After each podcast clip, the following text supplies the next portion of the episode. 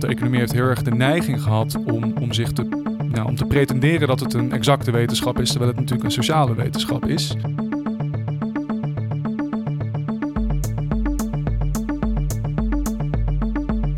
Dat de definitie werk is eh, werk als je ervoor betaald wordt, dat dat veel te nauw is. En, dat een van de dingen die het namelijk compleet uitsluit, is al het werk dat thuis gebeurt. En, en, en dat is toch wel een heel belangrijk eh, aspect ervan. Interessanter is, is om de vraag te stellen: uh, moeten we ook allemaal werken voor ons geld? Uh, en waarom zou dat moeten? Wat is er mis mee als je de hele dag op de bank wiet aan het roken bent? Waarom is dat moreel verkeerd?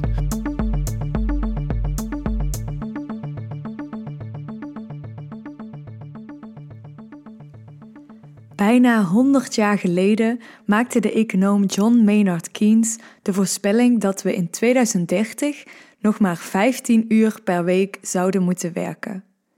Veel van ons werk zou geautomatiseerd zijn. Toch zijn we daar nu verre van. We werken alsmaar meer. Hoe komt dat? Wat verstaan we eigenlijk onder werk? Hoe komt het dat we zoveel werken en dat toch veel mensen amper rondkomen? Hoe heeft het kapitalisme ons idee van werk beïnvloed? En hoe zal ons werk er met de toenemende digitalisering in de toekomst uit gaan zien? Marta bespreekt dit met Savriel Deling en Willem van der Dijl. Savriel Deling werkt aan een doctoraat bij het Erasmus Instituut voor Filosofie en Economie aan de Erasmus Universiteit Rotterdam.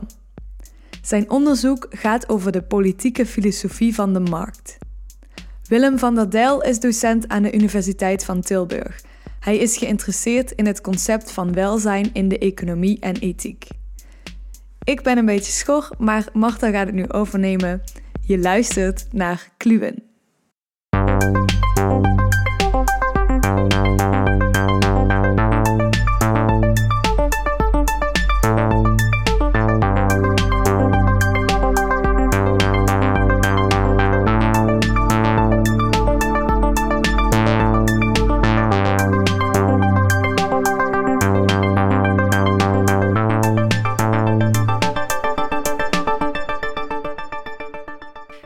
Over de toekomst kunnen praten, um, moeten we het misschien eerst gewoon even over het heden hebben. Hoe staat het vandaag met ons werkleven? Um, laten we beginnen bij Savriel, die bij ons hier te gast is. Zit rechts van mij. Hallo. Uh, hoe, hoe gaat het met ons werk eigenlijk? Ja, hier moet ik natuurlijk een heel erg uh, uh, intelligent en uitgebreid antwoord geven. Maar ik denk dat ik het gewoon hou bij slecht. Alright, leg uit of moet ik naar Willem kijken voor de uitleg? Nee, ja. Maak je er wel gemakkelijk vanaf zo? ja, is het wel. Nee, nou ja, goed. Um, um, de algemene consensus is natuurlijk dat het allemaal heel goed gaat, dat we allemaal veel rijker worden, dat uh, armoede um, hè, continu uitgebannen wordt. Maar aan het einde van de dag um, uh, zijn er ook heel veel argumenten daartegen te voeren. En, en ja, vraag ik me af of dat zo is. Um, voornamelijk omdat we tegelijkertijd natuurlijk ook veel meer aan het werken zijn. We zijn ook anders aan het werken. En de coronacrisis recentelijk heeft ook wel weer laten zien dat uh, onze privé- en werksferen heel erg met elkaar uh, vermengd waren. En misschien nog wel nog meer raken.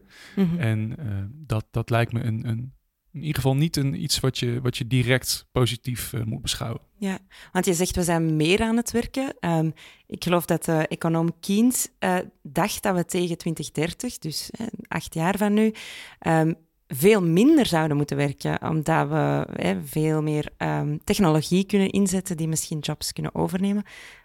is dat dan niet zo, Willem? Ja, dat, is een goede vraag. En ik, en ik, moet ook wel zeggen dat ik iets minder pessimistisch ben over de staat van werk dan, uh, dan Savriel. Um, Keynes zei eigenlijk net iets anders. Die zei, als we 100 jaar verder zijn, dus in het jaar 2032, um, dan hoeven we om hetzelfde, dezelfde welvaart te hebben die, die we hebben in, in 1932, hoeven we nog maar 15 uur te werken. En daarin heeft hij compleet uh, gelijk gehad. Dus dat is helemaal uitgekomen. Alleen hebben we er ook voor gekozen om dat uh, niet te doen. Want we werken nog steeds veel en mensen hebben het gevoel ook dat, ja, dat we ook niet, dat, het, dat, we, dat we ons nog steeds heel druk maken over werk. En dat is deels waar. Uh, maar het is ook tegelijkertijd waar dat we wel echt veel minder zijn gaan werken.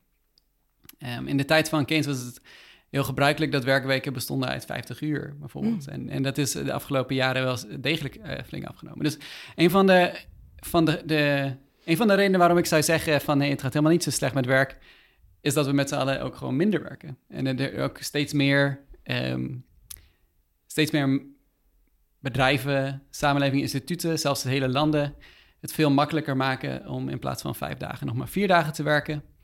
Ehm, en ik denk ook dat dat goed is om twee redenen. Enerzijds omdat je dan meer vrije tijd hebt, maar anderzijds ook eh, omdat dat het werk interessanter maakt. Dus het, het feit dat je, het, dat, je het niet, dat je er niet altijd mee bezig bent, Hm. zorgt er ook voor dat de tijd die je er wel, wel, in besteedt ehm, in- leuker is, interessanter is en dat je er meer kan, kan, uit kan halen.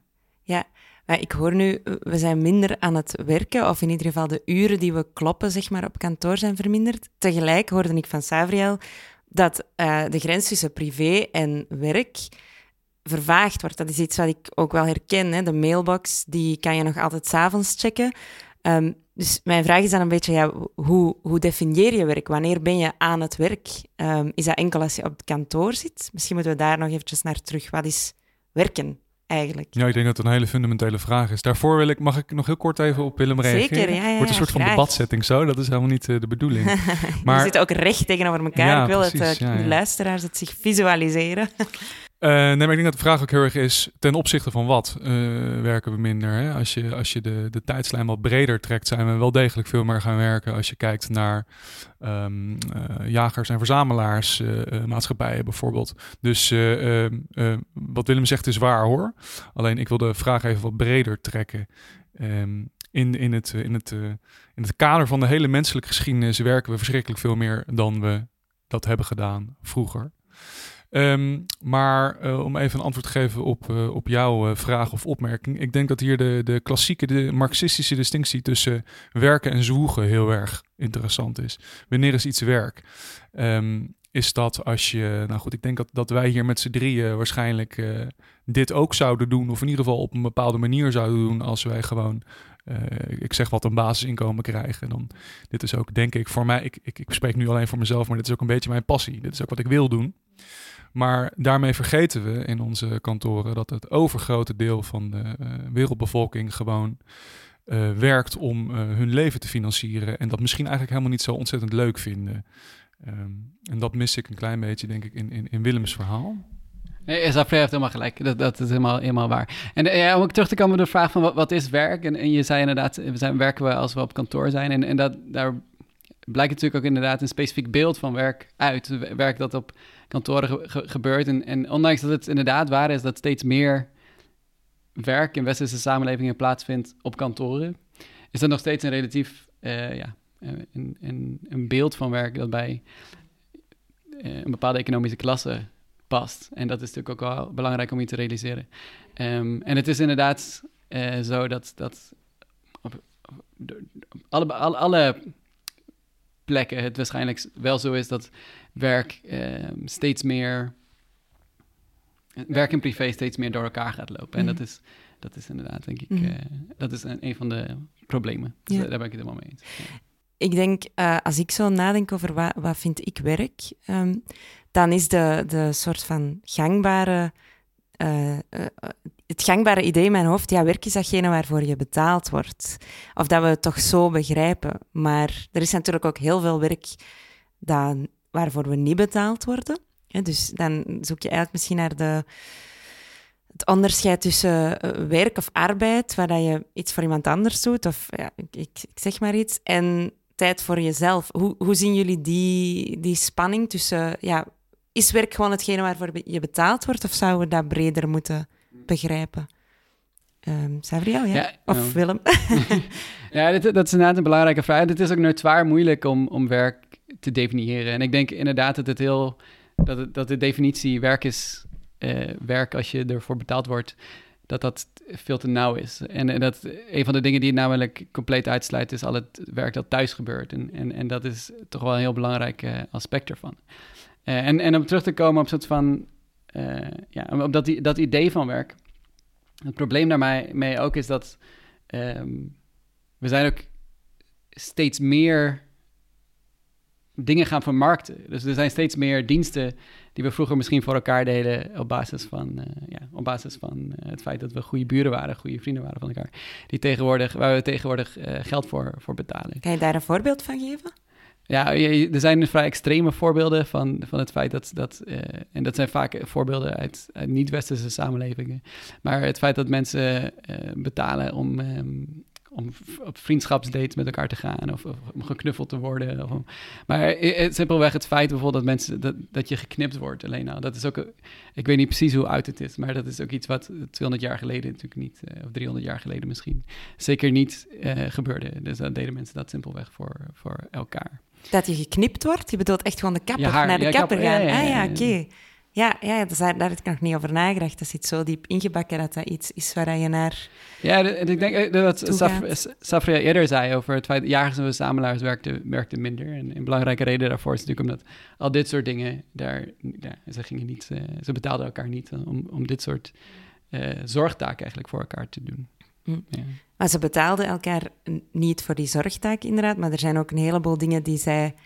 Um, gewoon niet, niet, niet hadden of die wij hebben zeg maar, eh, verzonnen dat we die moeten hebben. En dan moet ik denken aan ehm, eh, Jason Hickel. Ik weet niet of jullie die uh, een beetje kennen, maar hij, ik las onlangs dat hij schreef over de, de productivity trap. Dus het idee dat omdat we steeds meer groeien en ook steeds meer dingen maken en willen, dat we eigenlijk steeds meer meer moeten blijven werken. Is dat iets wat jullie in, in, in jullie werk ook tegenkomen? Ja, zeker. En dat is, dat is ook een beetje een, een, een versluikt economisch fenomeen. In de, in de economie hebben ze altijd, of hebben we altijd, de neiging om het te hebben over preferenties. Uh, zonder eigenlijk af te vragen waar die dan vandaan komen. Dat, eh, Voorkeuren, preferenties. Precies, ja, ja, ja, En dat, dat heet dan exogeen. Die zijn dan exogeen, die komen dan van buiten het model. Dus die zijn eigenlijk niet heel erg interessant uh, voor zo'n voor zo'n econoom of, voor filosofen die zich met economie bezighouden, uh, om daarnaar te kijken. Terwijl dat natuurlijk extreem relevant is, zeker in het kader van deze opmerking van jou. Want waarom willen we al deze dingen? Kijk, ik zal zeker niet beargumenteren, en dat doen denk ik ook weinig mensen, dat het slecht is dat we nu wasmachines hebben. Hè? Dat, is, uh, dat is heel goed. En dat is, heeft ook bijvoorbeeld de vrouwenemancipatie heel erg, uh, uh, is het heel erg ten goede gekomen. Maar je kan je afvragen of een hele hoop dingen die wij nu willen, waar dat willen vandaan komt en of dat goed is. Dus je kan daar hele normatieve vragen bij stellen. is het de bedoeling dat wij, ik noem maar wat, peperdure frappuccino, cappuccino dingen bij de Starbucks uh, drinken, omdat dat lekker is, omdat er veel suiker in zit, wordt ons leven daar beter van. En uh, binnen, de, nou goed, binnen de economie in ieder geval is het eigenlijk een beetje not done om daar vragen over te stellen, want dat is, ja, dat is filosofie, dat is niet echt, dat is niet wetenschappelijk. En waarom denk je dat het, dat het not done is? Ik bedoel, wat is hun uh, motivatie dan om bepaalde vragen wel of niet te stellen? Nou, dit is, dit is een hele grote vraag die over de discipline economie gaat hoor. Maar uh, recentelijk heeft uh, Robert Skedelski heeft hier een boek over geschreven. Oké. Okay. Um, Hoe heet het boek? Dat boek heet What's Wrong with Economics? Hmm, klinkt intrigerend. I want to know. What's right with economics? uh, en, en zijn argument is eigenlijk precies dat. Uh, um, dat de economie heeft heel erg de neiging gehad om, om zich te nou, om te pretenderen dat het een exacte wetenschap is, terwijl het natuurlijk een sociale wetenschap is, waar ook uh, nou, normatieve kaders heel normaal zijn om daarover na te denken, om te debatteren, te filosoferen. Um, maar dat is afgestoten um, ja, en, en de reden daarom, daar, kan je verschillende argumenten over voeren. Maar wat het in ieder geval tot consequentie heeft gehad, is dat het nu de queen of the social sciences is geworden. Uh, in de woorden van uh, Samuelson, uh, de, de, grote, de grote bekende Nobelprijswinnende econoom. Um, en het is nu een soort van beleidswetenschap waarmee mensen rekenen met, met, met cijfers. Dus kwalitatieve concepten worden gekwantificeerd. Um, en daar, daar rolt dan iets uit en dat is dan de waarheid. Dat is dan de oplossing. Uh, zonder dat er eigenlijk wordt gekeken naar wat die aannames zijn die die cijfers uh, onderliggen. Ja, ik, ja, een klein beetje daar, daarover door. En even, ik, ik, dat, is, dat is helemaal waar. En een van de dingen die denk ik wel belangrijk is om te realiseren. Van waarom, waarom kijken economen nou simpelweg naar voorkeuren en willen ze ook niet verder die vraag stellen? Van wat zit er nou achter en welke dingen zijn nou, welke voorkeuren zijn nou echt waardevol en welke niet. Want dat is in zekere zin de vraag waar het over gaat.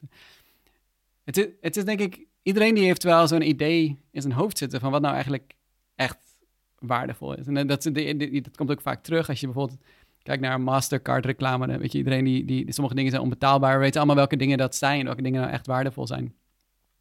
Uh, en het is ook, ja, recent is natuurlijk het boek verschenen van, van Jesse Frederiks en, Rutger uh, um, Brechtman over uh, waarom vuilnismannen meer verdienen dan bankiers. En, en daar geven ze ook zo'n heel duidelijk argument van. Wat vuilnismannen doen, dat is, dat is natuurlijk echt belangrijk en dat ziet iedereen. En wat, wat bankiers doen, daar kan je zeer er de vraag van stellen eigenlijk wat ze, e-, of dat, wat ze doen voor ons nou is echt zo, echt zo belangrijk is. Wat ze bijdragen in de samenleving.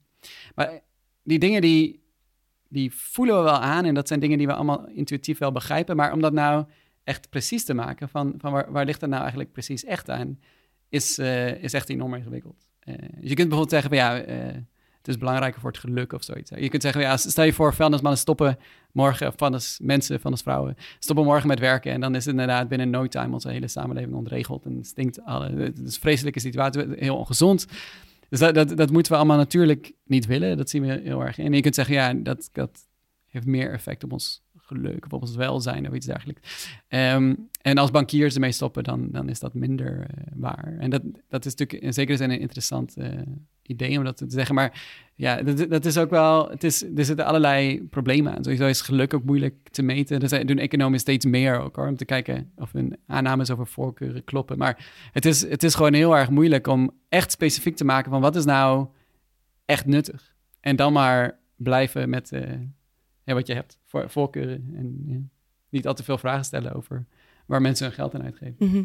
Ja, ik denk dat um, wat Jason Hickel misschien zou zeggen, is dat de, de reden dat er um, zo weinig wordt gekeken naar welzijn in de breedste zin van het woord en dat we zo focussen op het, het, het uh, GDP of het, of het bruto uh, nationaal product, dat economie met een radicaal andere logica werkt, namelijk die van groei. En hij verklaart ook zo een beetje waarom dat we um, wanneer we productiever worden, ook meer moeten werken.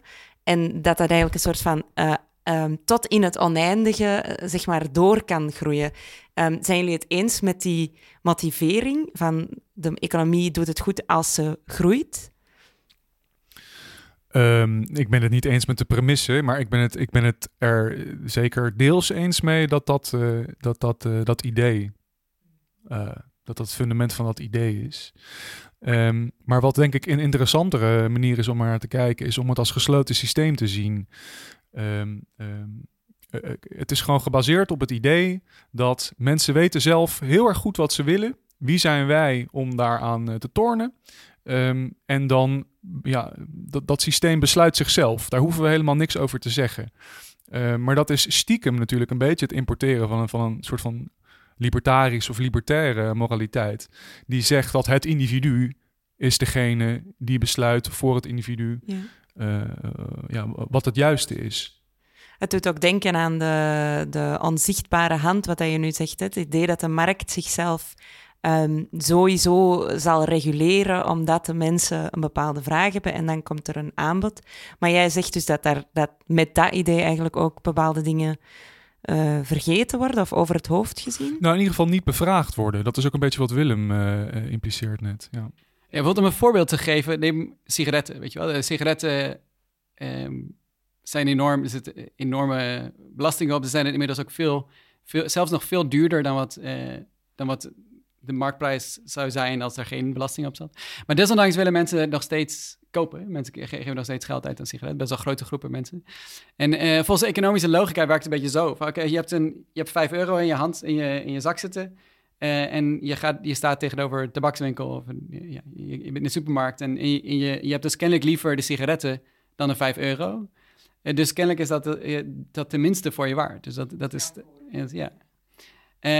En een van de dingen die dan nou meteen problematisch is natuurlijk, is het feit dat 80% van de mensen die rookt zelf wil stoppen. En dat wordt op die manier niet bevraagd. En, en dat is natuurlijk ook, ja, dat is natuurlijk ook ingewikkeld om, om, om, om nee, in dit geval is het misschien helemaal niet zo ingewikkeld, maar in heel veel gevallen is het wel ingewikkeld om dat te zeggen, oké, maar wat is nou, in wat soort gevallen is iets nou, ja, eigenlijk gewoon geen slim aankoop, iets wat eigenlijk niet goed is voor mensen, terwijl ze het wel doen. Eh, en in, welke situaties is het wel goed voor mensen? Wel, als mensen groente kopen, is daar helemaal geen... Ja, iedereen zal snappen, dat, dat is hartstikke prima. Um, maar dat is dus best wel ingewikkeld om, uh, om, om, om, dat te bepalen. Maar wat, wat wel heel duidelijk is, is dat die logica gewoon simpelweg uh, niet, niet klopt. Oké. Ja, ik wil nu teruggaan naar de, de hoofdvraag van, van waarom dat we samen zitten. En dat was eigenlijk natuurlijk werken. We zijn nu bezig geweest over heel grote economische principes.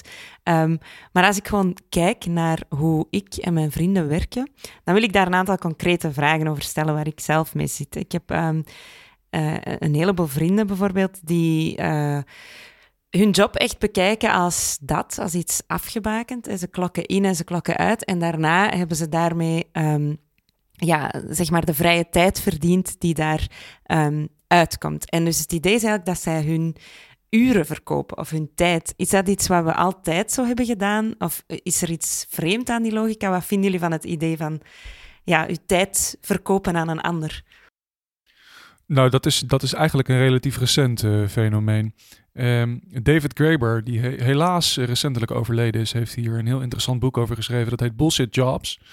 En um, wat hij eigenlijk aantoont, of, of, of in ieder geval uh, historisch gezien uh, uitlegt, is dat, dat je vooral vroeger, dan heb ik het over enkele honderden jaren geleden, um, werd je betaald voor je product, hè, voor je productie. Dat zit natuurlijk ook in die hele marxistische taal. De means of production, de productiemiddelen, dat soort dingen. En het, het feit dat je tijd gekocht wordt, is eigenlijk pas heel recent. Uh, en daar kan je best wel vragen uh, bij zetten.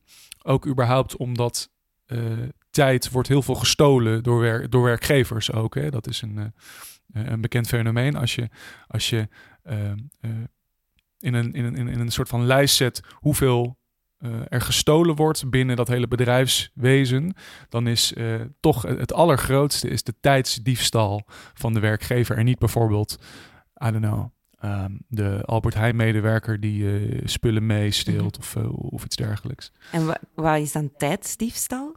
Mensen gratis laten werken? Mensen of? gratis laten werken, ja. Dus langer laten blijven, eerder laten komen zonder in te klokken, dat soort dingen.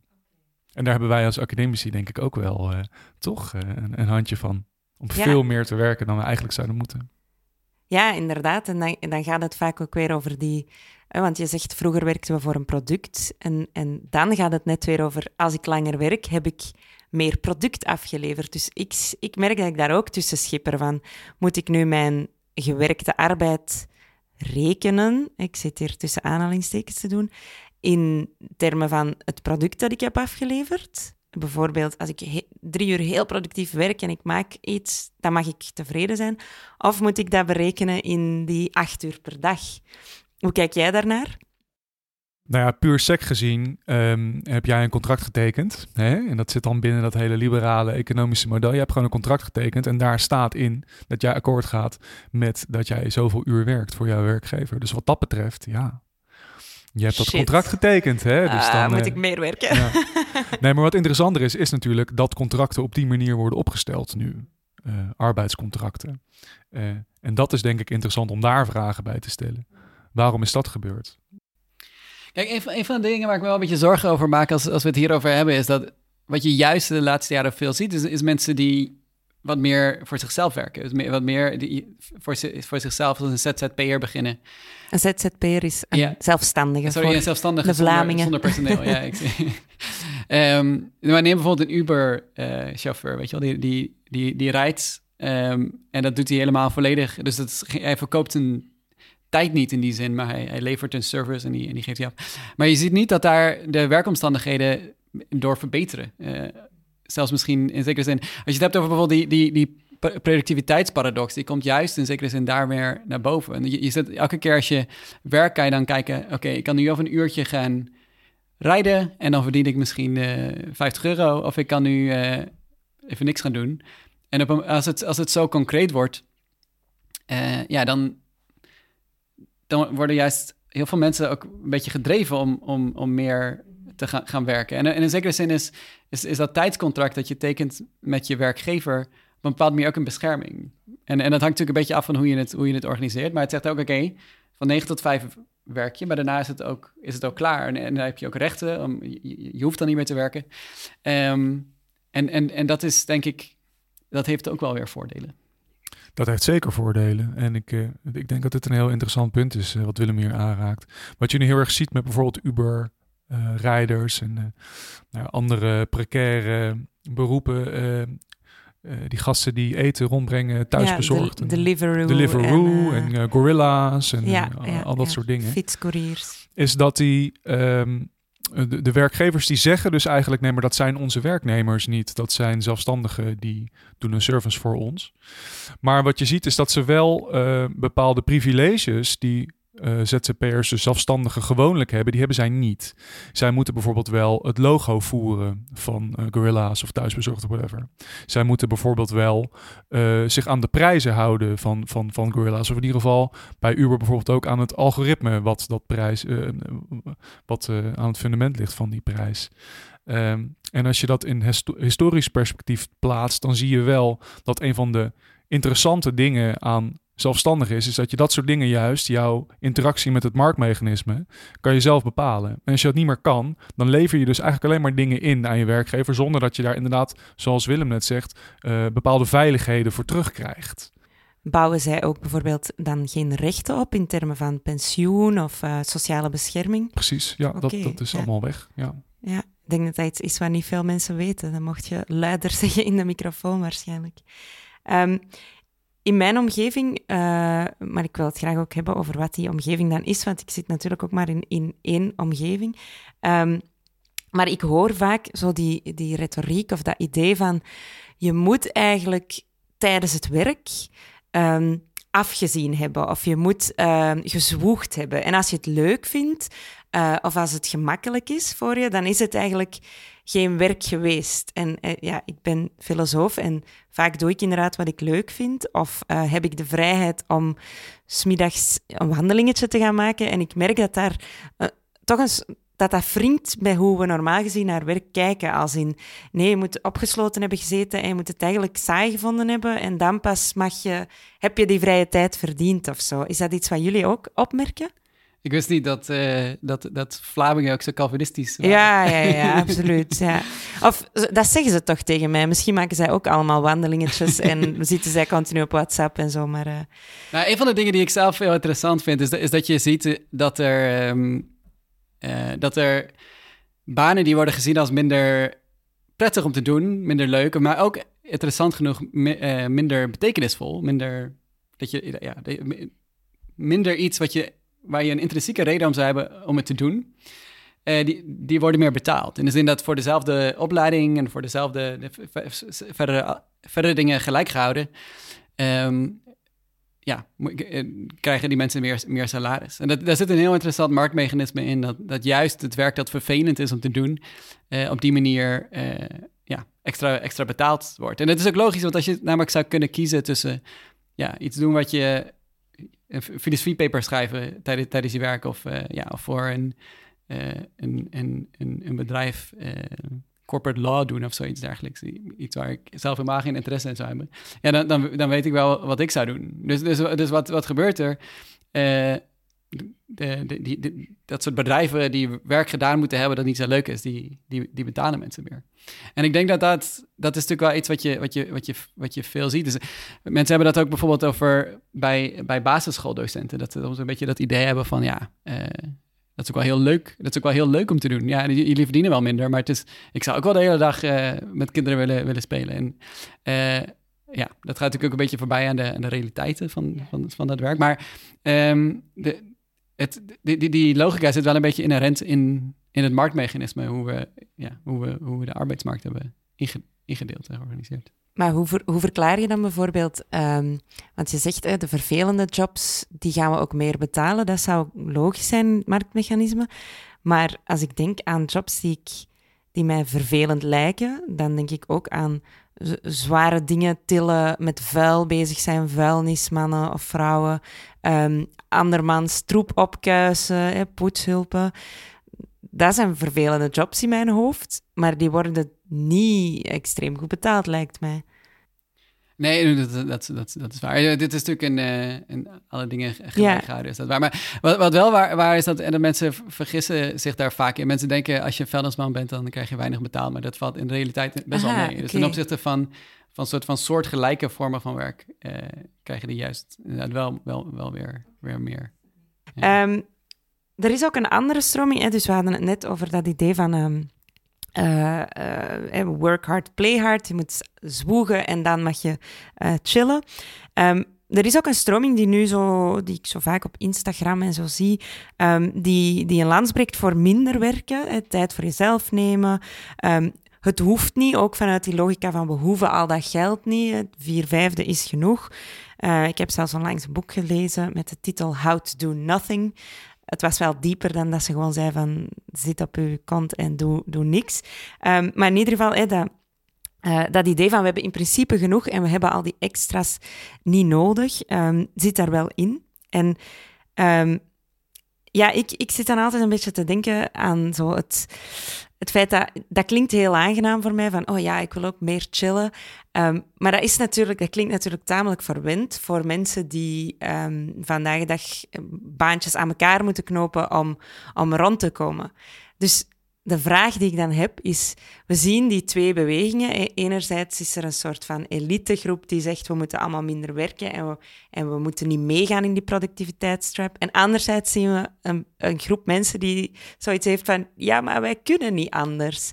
Um, is dat iets waar jullie gedachten over hebben? Schitterende brede vragen al. Ik verpak altijd mijn, mijn, mijn vragen die eigenlijk gewoon iets zijn waar ik zelf mee zit of zo. Ja, nee, uiteraard heb ik daar uh, gedachten over. Ehm, ik denk dat het ten eerste interessant is om, om even naar die uh, elitegroep te kijken, zoals jij dat dan uh, noemt. Die mensen die zeggen je moet gewoon minder werken en dat is goed voor je. Um, interessant daaraan is dat het ook een soort van geïndividualiseerd uh, fenomeen is geworden. Hè? Yoga is nu ook heel erg een soort van gekoloniseerd. En dan gaan we dat allemaal doen. En dan is dat goed. En dan moet je op jezelf letten en naar je eigen mentale gezondheid kijken.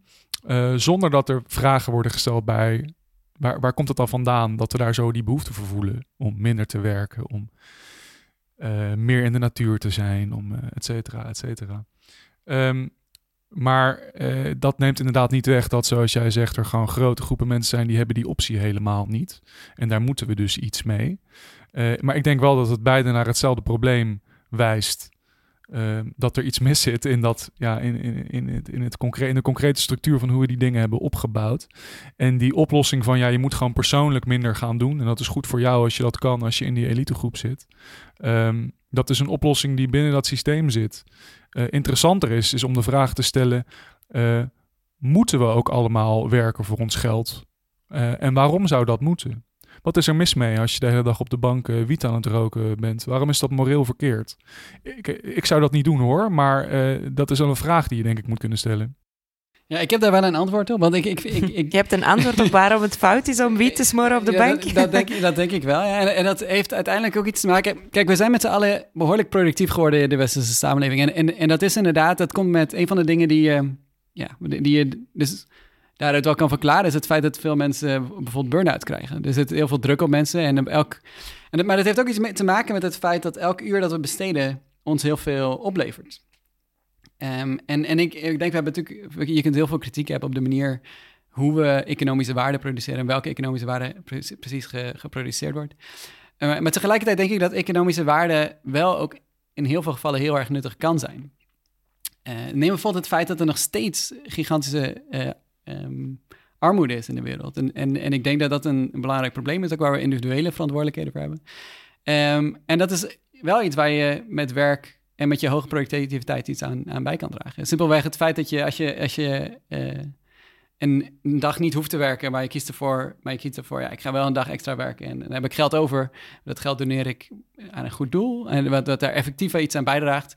Uh, dan maak, je, dan maak je wel, je kunt op die manier wel echt een, een belangrijk verschil maken, juist door die productiviteit. En dat levert veel druk op op mensen en dat, is, dat kan psychologisch zwaar zijn. En ik denk dat het goed is om, om goed op jezelf te letten.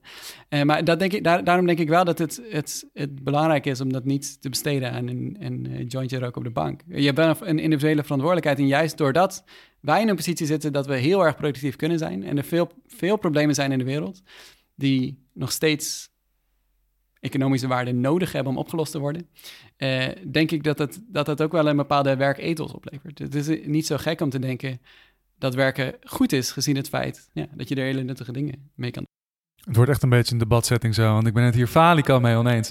Nee hoor, Graag, maar wat, eh, please go ahead. wat, eh, wat Willem hier eh, aan het, eh, aan het eh, uitspreken is, is denk ik, ik kijk nu even naar hem, eh, effective altruism. Dat is van eh, Peter, Singer, eh, een hele bekende grote filosoof. En die, die eigenlijk wat Willem beargumenteert. Van wij hebben een individuele verantwoordelijkheid om ehm, dat geld dat we dan extra kunnen verdienen in goede dingen te steken om zo de wereld beter te maken. Eh, een andere argument zou zijn ehm, dat je daaraan voorbij gaat eh, dat we ook collectieve verantwoordelijkheden hebben en ook deel zijn van collectieve systemen. Een voorbeeld, je kan heel goed zeggen, ik ga vijf minuten minder douchen om eh, klimaatverandering eh, tegen te werken. Dus dan neem ik mijn verantwoordelijkheid om klimaatverandering eh, tegen te gaan. Terwijl het zijn toch echt tien grote bedrijven die, ik geloof iets van eh 80% of 70% van alle uitstoot produceren. Ehm, en door dat, dat, dat, die individuele positie in te nemen, ga je eraan voorbij dat er eigenlijk andere mensen zijn of andere, dat zijn dus geen individuen, maar dat zijn systemen of bedrijven of whatever, eh, die moeten veranderen. Eigenlijk heb je er relatief vrij weinig aan om eh, eh, jouw geld te doneren als er een systeem daar aan, aan, aan de grondslag ligt, wat die armoede in stand houdt daar. Ehm, maar dat is een andere insteek hoor. Er zijn, er zijn natuurlijk ook tegenargumenten hierop. Ja, ik, ik denk dat het economische systeem uiteraard beter georganiseerd kan worden, zodat het nog beter werkt om armoede te verminderen. Maar tegelijkertijd moeten we ook erkennen dat armoede in de wereld wel afneemt. Zelfs in absolute getalen, terwijl de wereldbevolking enorm, eh, enorm toeneemt. En, en eh, ik denk, ja, in ieder geval, dus ik, ik, en ik denk dat we wel moeten erkennen dat, dat economische, economische waarde, daar doen we graag makkelijk over. Van, ja, dat is, weet je, dat, wat, dat is vies eh, geld dat, waar, waar, waar het hier over gaat. Maar vies geld is wel iets wat er, wat er ook... eh, Ja, vies geld is ook de reden dat... Een gebrek aan vies geld is de reden dat sommige mensen... eh, nog steeds geen toegang hebben tot, tot eh, medicatie... die belangrijk is voor, om, om, om, zieke kinderen beter te maken, om iets te noemen. Ehm, en, maar het, en hetzelfde geldt voor, voor het klimaatprobleem. Het klimaatprobleem kan echt heel... We kunnen heel veel dingen doen eh, om het klimaatprobleem te verminderen. Maar daar hebben we wel geld voor nodig. En, en daarom denk ik dat productiviteit ook, ook belangrijk is. Om, om, om, ja, omdat we daar echt wel iets mee, mee kunnen bijdragen. Ik zie Sabriel alweer ongeduldig zitten. En Nog één antwoord, dan wil ik eh, jullie echt vragen naar de toekomst van het werk, want Ja. daar zijn we nog niet aangekomen. En dat is ook zeer interessant. Nee, nou, ik wil, ik wil, dit is denk ik gewoon een heel sluitend argument hoor, wat, eh, eh, wat Willem heeft.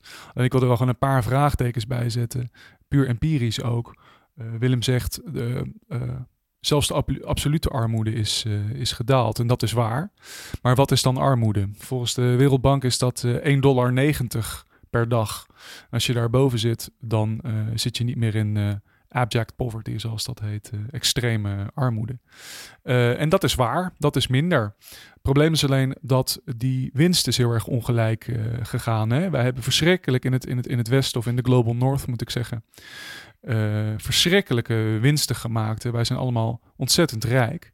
En het klopt ook inderdaad dat er in de Global South of in de armere landen zitten er meer mensen nu op eh, 1 dollar en 95 cent eh, dan eh, op 1 dollar en 89 cent. Dat is waar.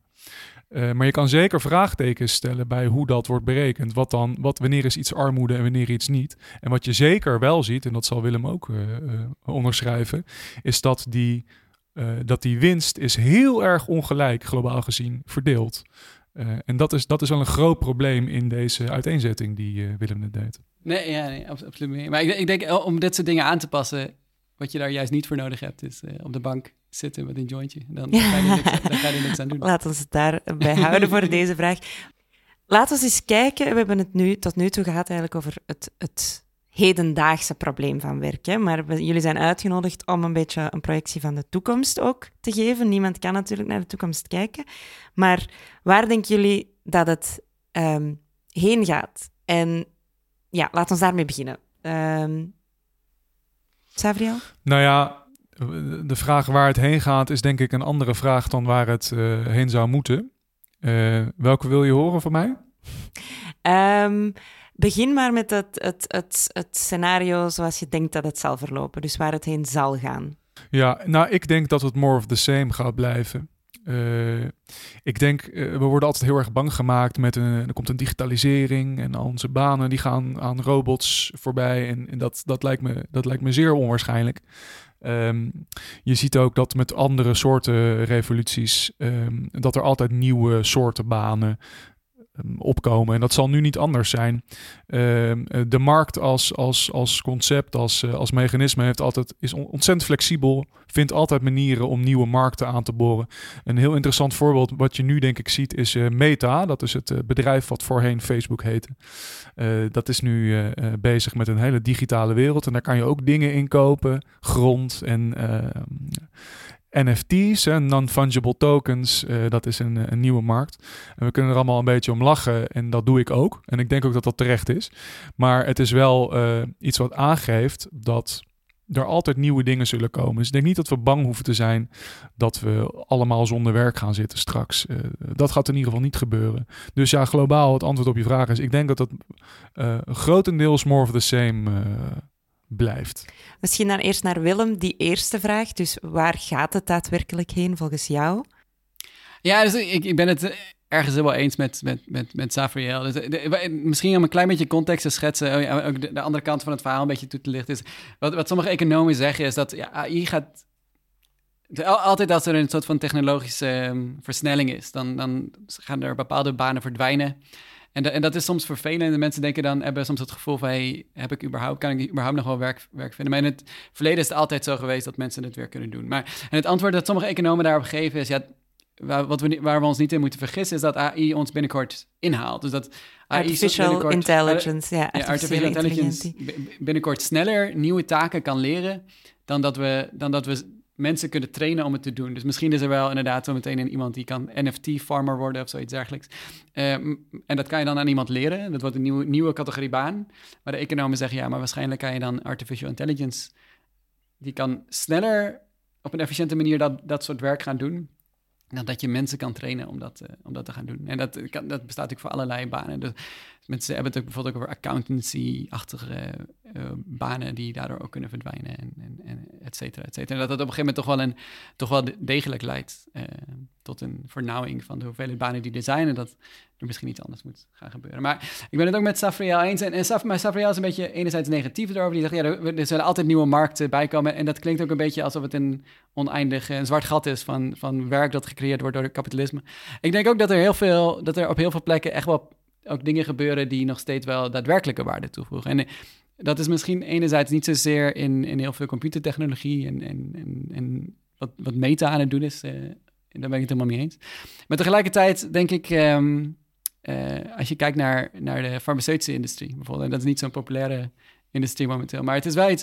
Er zijn steeds meer, steeds meer ziektes die, die, we, kunnen, die, we, die we kunnen genezen. En, en, en er zijn steeds meer. En dat zijn allemaal dingen die wel echt op een hele serieuze manier een positieve impact hebben op, op de levens van mensen. Ja, ik, heb, ik heb zelf bijvoorbeeld uh, een, een, een, een hartziekte. Maar en, dat, dat is een hartziekte waar afgelopen 30 jaar wel wat dingen in zijn gebeurd, maar vrij marginaal. Maar waar momenteel ook in één keer steeds meer, steeds meer onderzoek naar wordt gedaan. En dat zijn wel dingen, uh, dat is natuurlijk iets wat heel erg bij mezelf speelt. En, en er zijn, maar er zijn, er zijn heel veel ziektes waar heel veel mensen heel veel last van hebben. Uh, en ik denk dat wat dat betreft dat er ook nog wel heel veel economische waarde gecreëerd gaat worden, kan gaan worden, die, nog, ja, die nog wel echt wat toevoegt. Ja, denk maar aan, nou, allez, je, moest, je hoeft geen hartziekte te hebben om daar de waarde van in te zien, aan de snelheid van de, de coronavaccins bijvoorbeeld. Inderdaad.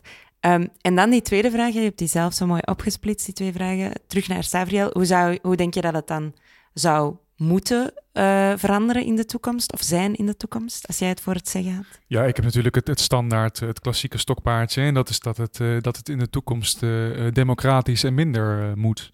En is het vandaag niet democratisch? Uh, het is democratischer dan het was, dat is uh, absoluut waar. Maar ja, ik, ik, ik ga weer terug naar structuren. Maar in die structuren zit dat nog steeds heel erg mis. Wij hebben nog steeds um, het, het, het aandeelhoudersmodel uh, wat bij bedrijven en goed, het overgrote deel van in ieder geval de Global North werkt voor een bedrijf. en vaak ook voor een groot bedrijf. Ehm, en dat is, dat is gewoon een heel erg hiërarchisch instituut. Er zijn trouwens hele goede economische redenen voor hoor. Dat, dat schijnt het model te zijn wat de winsten het hoogst maakt. En hoe hoger de winst, zo gaat het verhaal, hoe hoger de Pareto-efficiëntie. Dus hoe beter het voor iedereen is, eigenlijk voor de hele maatschappij. dat is de economische rationale daarachter. Ehm, maar goed, daar kan je vraagtekens bij zetten. Vooral ook omdat je uiteindelijk ziet, zoals ik eh, bij de vorige vraag ook al uh, zei, dat die winsten, dat die, uh, ja, goed, niet alleen de winsten, maar gewoon de, de, de, de, de vooruitgang is onevenredig verdeeld. En dat is ook op individueel niveau zo, dat ehm, aandeelhouders of bepaalde mensen of mensen die hoger in een bedrijf zitten, die halen veel meer van die extra waarde uh, bij zich dan dat het uh, trickle down, om maar even dat, uh, die term te gebruiken. en daar, goed, dat, dat is natuurlijk een hele, een hele traditie waar ik me hier nu achter schaar. Maar die traditie zegt wel dat we daar iets aan moeten doen. Ja, enerzijds ben ik het, ja, ik ben het wel eens met, met Safri. Als het gaat over democratisering. Maar ik denk ook aan, aan, um, aan eigendom van werknemers. Het is eigenlijk vrij raar dat we... Ja, raar. Ik, ik snap niet zo heel erg goed waarom we waarom er nog geen, geen regels zijn over het feit dat, dat aandelen ook op een gegeven moment gedeeld moeten worden met, met werknemers. Het, het, is iets wat een tijdje lang heeft geleefd in, uh, in Zweden in de jaren zeventig. En uiteindelijk was het geen populair, geen, geen populair idee, maar dat was vooral omdat het heel erg gepolitiseerd werd. Maar het idee dat je als, als, werk, als, ja, als, als werkgever een gedeelte van de aandelen langzaam en een gedeelte ervan dus, nou, moet overdragen aan sommige van de werknemers. Uh, en dat ze daarmee ook zeggenschap krijgen, zou denk ik veel, veel verbeteren.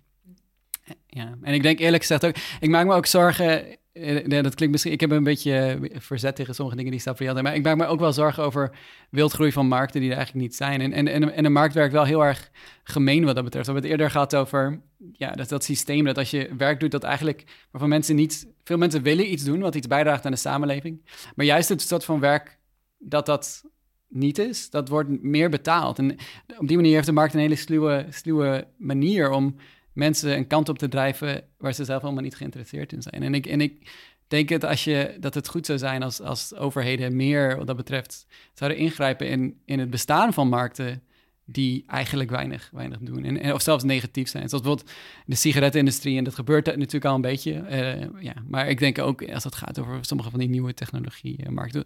Neem, neem, die bitcoin, de hele, hele bitcoin-markt. Weet hele, hele cryptocurrency-markt. Uh, zoveel mensen besteden daar zoveel tijd aan. En het enige dat het eigenlijk echt doet, is een speculatieve markt oprichten en ja, klimaatverandering verergeren. En, ja, is dat dan een voorbeeld van zo'n bullshit job waar jij net naar verwees? Of is dat nog iets anders? Uh, nou, zoals Graeber bullshit jobs definieert, weet ik niet direct of dat zo is hoor. Een bullshit job is volgens Graeber iets waar je, waar je zelf ook weet, waar je, waarvan je zelf ook weet dat het eigenlijk onzin is en dat je niks van waarde toevoegt aan de wereld, de maatschappij, dan wel het bedrijf waar je voor werkt.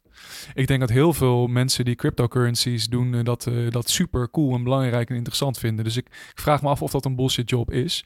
Uh, maar wat Willem terecht stelt, is dat het misschien eigenlijk helemaal niet goed voor de wereld is dat we ons daar mee bezighouden. Dat er veel betere dingen zijn waar je je tijd aan kan besteden.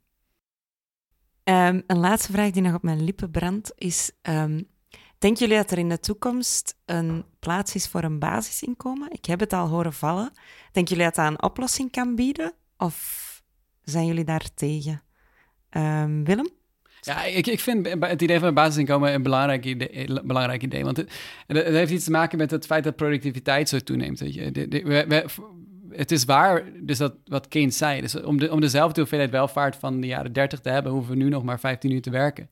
Dus dat betekent ook dat je op een gegeven moment ook wel kan zeggen van oké, nou, de, als, als mensen echt met z'n allen minder hoeven te werken om, alle, om iedereen in zijn basisbehoeften te voorzien, waarom zorg je daar dan niet voor dat dat automatisch zo is? Maar wat wel belangrijk daarbij is, is dat ik, zou, ik denk dat we onszelf daar geen prioriteit in moeten geven. Er zijn nog enorm veel plekken op de wereld waar armoede een serieus probleem is. En vanuit een wereldschaal is het veel belangrijker om te denken dat we een basisinkomen, ja, dat we ermee moeten beginnen in, in, armere, in armere gebieden. Uh, het is voor, voor hier in de nabije toekomst absoluut denk ik nog geen, uh, geen goed idee. Er zijn er nog te veel problemen voor in de wereld. Ja, ik zie die link tussen productiviteit en armoede oplossen natuurlijk minder dan, uh, dan, dan Willem. Dat lijkt me duidelijk uit het afgelopen gesprek. Um, dus ik zou dat zeker wel uh, dat, dat lijkt me een goed iets. Ik zou ook absoluut een lans willen breken voor wietroken op de bank. Uh, Willem vindt dat een slecht iets. Ik denk, uh, ik denk dat, we, dat we armoede eerder oplossen door minder te werken dan door meer te werken. Omdat je op die manier, uh, op een andere manier met het systeem dingen doet of, of interacteert. Um, dat gezegd hebbende, er zijn natuurlijk een hele hoop haken en ogen aan basisinkomen. Überhaupt al, hoe financier je het, is, is natuurlijk de hamvraag. Dat is erg lastig. Je moet het hele, nou ja, het hele systeem, of in ieder geval het hele belastingssysteem, überhaupt overhoop halen. En het subsidiesysteem en et cetera, et cetera. Om daar...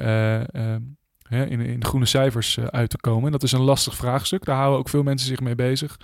Um, dat houdt niet, haalt niet weg dat het filosofisch gezien, denk ik, zeker een, een, een, goed iets zou zijn. En dat ik wel zou zeggen dat wij er al mee moeten beginnen voordat we dat uh, aan, aan armere landen geven. Ik denk dat dat een manier zou zijn om anders uh, naar de wereld te kijken, andere, anders naar de globale markt te kijken. en daar misschien armoede wel sneller mee oplossen. Als wij een andere relatie met werk krijgen. Hm. Je vreest niet dat mensen dan zeven op zeven gaan wiet smoren op de bank? Dat is iets waar je veel nou, hoort. Iedereen gaat lui worden? Of, Nou, kijk, ten eerste vrees ik dat niet. Omdat ik, uh, om, omdat ik denk dat dat een, een heel erg negatief mensbeeld is en onrealistisch negatief. Ik denk dat mensen altijd iets willen doen en vaak ook iets willen bijdragen aan hun gemeenschap. Dat zie je, dat zie je overal. Dus ik zou me daar geen zorgen over maken. Maar ten tweede, ja nou en? Als, als mensen dat zouden doen, ja wat dan? Ik zie niet zo goed waarom dat, eh, waarom ineenstorting van de maatschappij dan of zo. Nee, nee, dat, dat, dat lijkt me zeer sterk. Eh, tenzij je oprecht gelooft dat iedereen mhm, van 7 tot 7 mhm. wiet gaat smoren op de bank. Eh, en dat zie ik niet gebeuren. Maar als meer mensen dat gaan doen dan, dan dat nu doen, ja, goed. Ja. Dan, dan, dan moeten we daar denk ik ook die marktlogica op plakken en zeggen, ja, als dat hun preferenties zijn, als dat hun voorkeuren zijn, ja, wie zijn wij dan om daar over te oordelen? Ja, dit is misschien wel één ding wat ik zelf interessant... Ik ben ook wel benieuwd wat Savriel ervan van, van denkt. Dus is het van een idee dat werk op een bepaalde manier belangrijk is... omdat je, hiermee, omdat je daarmee betekenisvol kan leven. Dat je, je draagt iets bij aan, de, aan de samenleving... Uh, en het is, het, is, het is ook waar dat als je op een gegeven moment niet meer hoeft te werken, en dat is bijvoorbeeld nu al een beetje het geval met mensen die gepensioneerd zijn, of mensen die in een lange termijn situatie zitten waarin ze een uitkering krijgen en niet meer hoeven, hoeven te werken dat, er, dat ze, ja, dus is in een misschien een beetje harder, maar ook, ook in een realistische zin, ze niet meer nodig zijn in de samenleving. En dat dat toch wel ook iets is wat um, niet alleen psychologisch, maar ook, maar ook een soort van op een objectieve manier, dat je ervan kan zeggen, ja, er, er mist iets belangrijks in, in, in, in, in, zo'n leven. En, ik, ik ben benieuwd wat, wat jij ervan denkt. En ook misschien om een klein beetje tegengas te geven tegen het optimisme over wat mensen gaan doen met hun tijd in een basisinkomenperiode. Er is een studie over een Oostenrijks dorpje uh, voor de Tweede Wereldoorlog, dat, uh, waar de, de centrale fabriek wegging en er was in die tijd een prima uh, vangnet. Dus de financiële zorgen waren er eigenlijk niet. Maar waarin je zag dat het hele dorpje ook een beetje, een beetje wegkwijnde. Zich terugtrok in, hun huizen. En dat het niet zo was dat mensen hun tijd gingen besteden aan en sociaal dingen organiseren. En dus mijn vraag is misschien enerzijds een beetje filosofisch en anderzijds ook een beetje speculatief. Maar, maar ik, ben, ja, ik ben benieuwd ik ben benieuwd wat, ja, wat jij ervan denkt, wat jullie ervan denken. Ja, nou ja, ten eerste, het, het probleem met studies over basisinkomen is dat er, uh, dat er uh, vijf studies het ene zeggen en vijf studies het andere. Dus ik ken, ik ken deze studie ook hoor, maar ik ken ook een studie waarin, het, waarin mensen wel productiever werden, waar gemeenschap werd groter en ze gingen voor elkaar zorgen, et cetera, et cetera. Maar wat jij, dus daar is het antwoord op, weet ik niet. Hebben we meer onderzoek voor nodig, denk ik. En daarnaast ook misschien een ander soort onderzoek. Ik vind het ook altijd heel erg moeilijk om dat soort dingen in isolatie uh, te bekijken. Zonder dat je de hele maatschappelijke uh, rampetant eromheen mee, meeneemt. Um, maar wat je zegt over meaningful work, over werk met betekenis, dat is absoluut waar. En dan zou ik weer graag willen teruggrijpen naar die marxistische distinctie tussen werken en zwoegen. het is absoluut waar dat wij als mensen, denk ik, belangrijk willen zijn, bij willen dragen, uh, uh, aan onszelf ontwikkelen, maar ook aan uh, gemeenschap om, om ons heen. En dat dat inderdaad, als je met pensioen gaat, dan vallen er een hele hoop dingen weg opeens. Um, um, maar ik denk dat dat, dat, dat, dat, dat wel kan blijven gebeuren. Bijvoorbeeld als je met pensioen gaat en dan zie je heel vaak dat, ehm, dat mensen als opa's en oma's opeens een, een, veel grotere rol gaan innemen voor hun kleinkinderen. En dat is, dat is ook werk in die klassieke distinctie tussen werken en zwoegen. Dat is ook zelfontwikkeling, bijdragen aan, uh, aan de gemeenschap. Um, ja, ik, ik, ik, ik, vind het, ik ben het eigenlijk ook wel met, je eens. Maar een van de dingen die je er misschien over kan zeggen is dat ja, als, als mensen met z'n allen inderdaad niet echt meer hoeven te werken, dan is er misschien, ja, dan is in die, die opa of oma dag wat minder behoefte. Je kunt misschien denken, ja, veel mensen gaan na hun pensioen iets creatiefs doen, die gaan schilderen, die gaan. En, en die, maar ja, als iedereen op een gegeven moment schildert, wat is dan, ja, is, heb je, is het er dan nog wel echt waarde in het maken van nog meer, nog meer schilderijen? Is dat, is dat, uh, ja, ik denk, ik, mijn, ik, ik weet ook nooit zo heel erg goed wat ik hiervan moet denken. Enerzijds denk ik, mensen kunnen samen gezellige dingen doen. En dat is ook, ook iets om er op een bepaalde manier voor elkaar te zijn. Je, hoeft, je hebt weinig nodig. Een paar drankjes, een kampvuur en, en, je, en je bent er al. Um, maar ja, mis je dan niet, niet iets? Misschien toch nog iets, iets nou ja, ik, ik zou niet weten wat. En ik denk ook dat wij, dat wij er als filosofen het perfecte voorbeeld van zijn. Want wij vinden het natuurlijk allemaal heel erg belangrijk en interessant wat wij gaan doen. Maar ik kan je garanderen dat als ze een willekeurig iemand op straat aanspreken, die denkt inderdaad dat wij aan het schilderen zijn. Hè? En er zijn al genoeg uh, filosofen of schilders, ja. Ja, precies. Dus uh, dat is ook de vraag, ja, wat is dan de waarde en waar komt die dan vandaan? En waar, waar, waar toets je dat aan?